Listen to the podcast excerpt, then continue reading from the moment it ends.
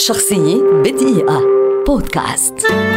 فيليمون وهبي ملحن ومغني وممثل لبناني ولد عام 1914 هو فنان كبير خاض غمار عدد من المجالات الفنية فهو ملحن عبقري وأحد رواد الأغنية الشعبية اللبنانية رغم أنه لم يدرس الموسيقى وإنما اعتمد على موهبته الفطرية.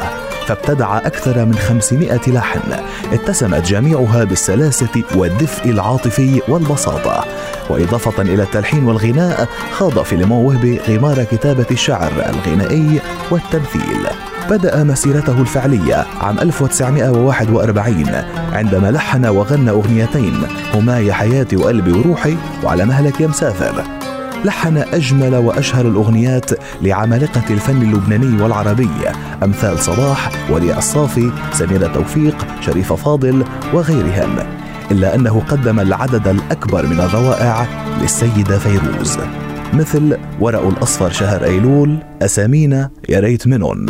اشتهر فيليمون بخفة ظله ونكتته الحاضرة وعرف تمثيلا بشخصية سبع التي مثل من خلالها مجموعة من السكتشات مع الرحابنة. رحل فيليمون وهبي عام 1985 وهو الذي وصفته السيدة فيروز بسبع الأغنية وشيخ الملحنين. شخصية بدقيقة. بودكاست.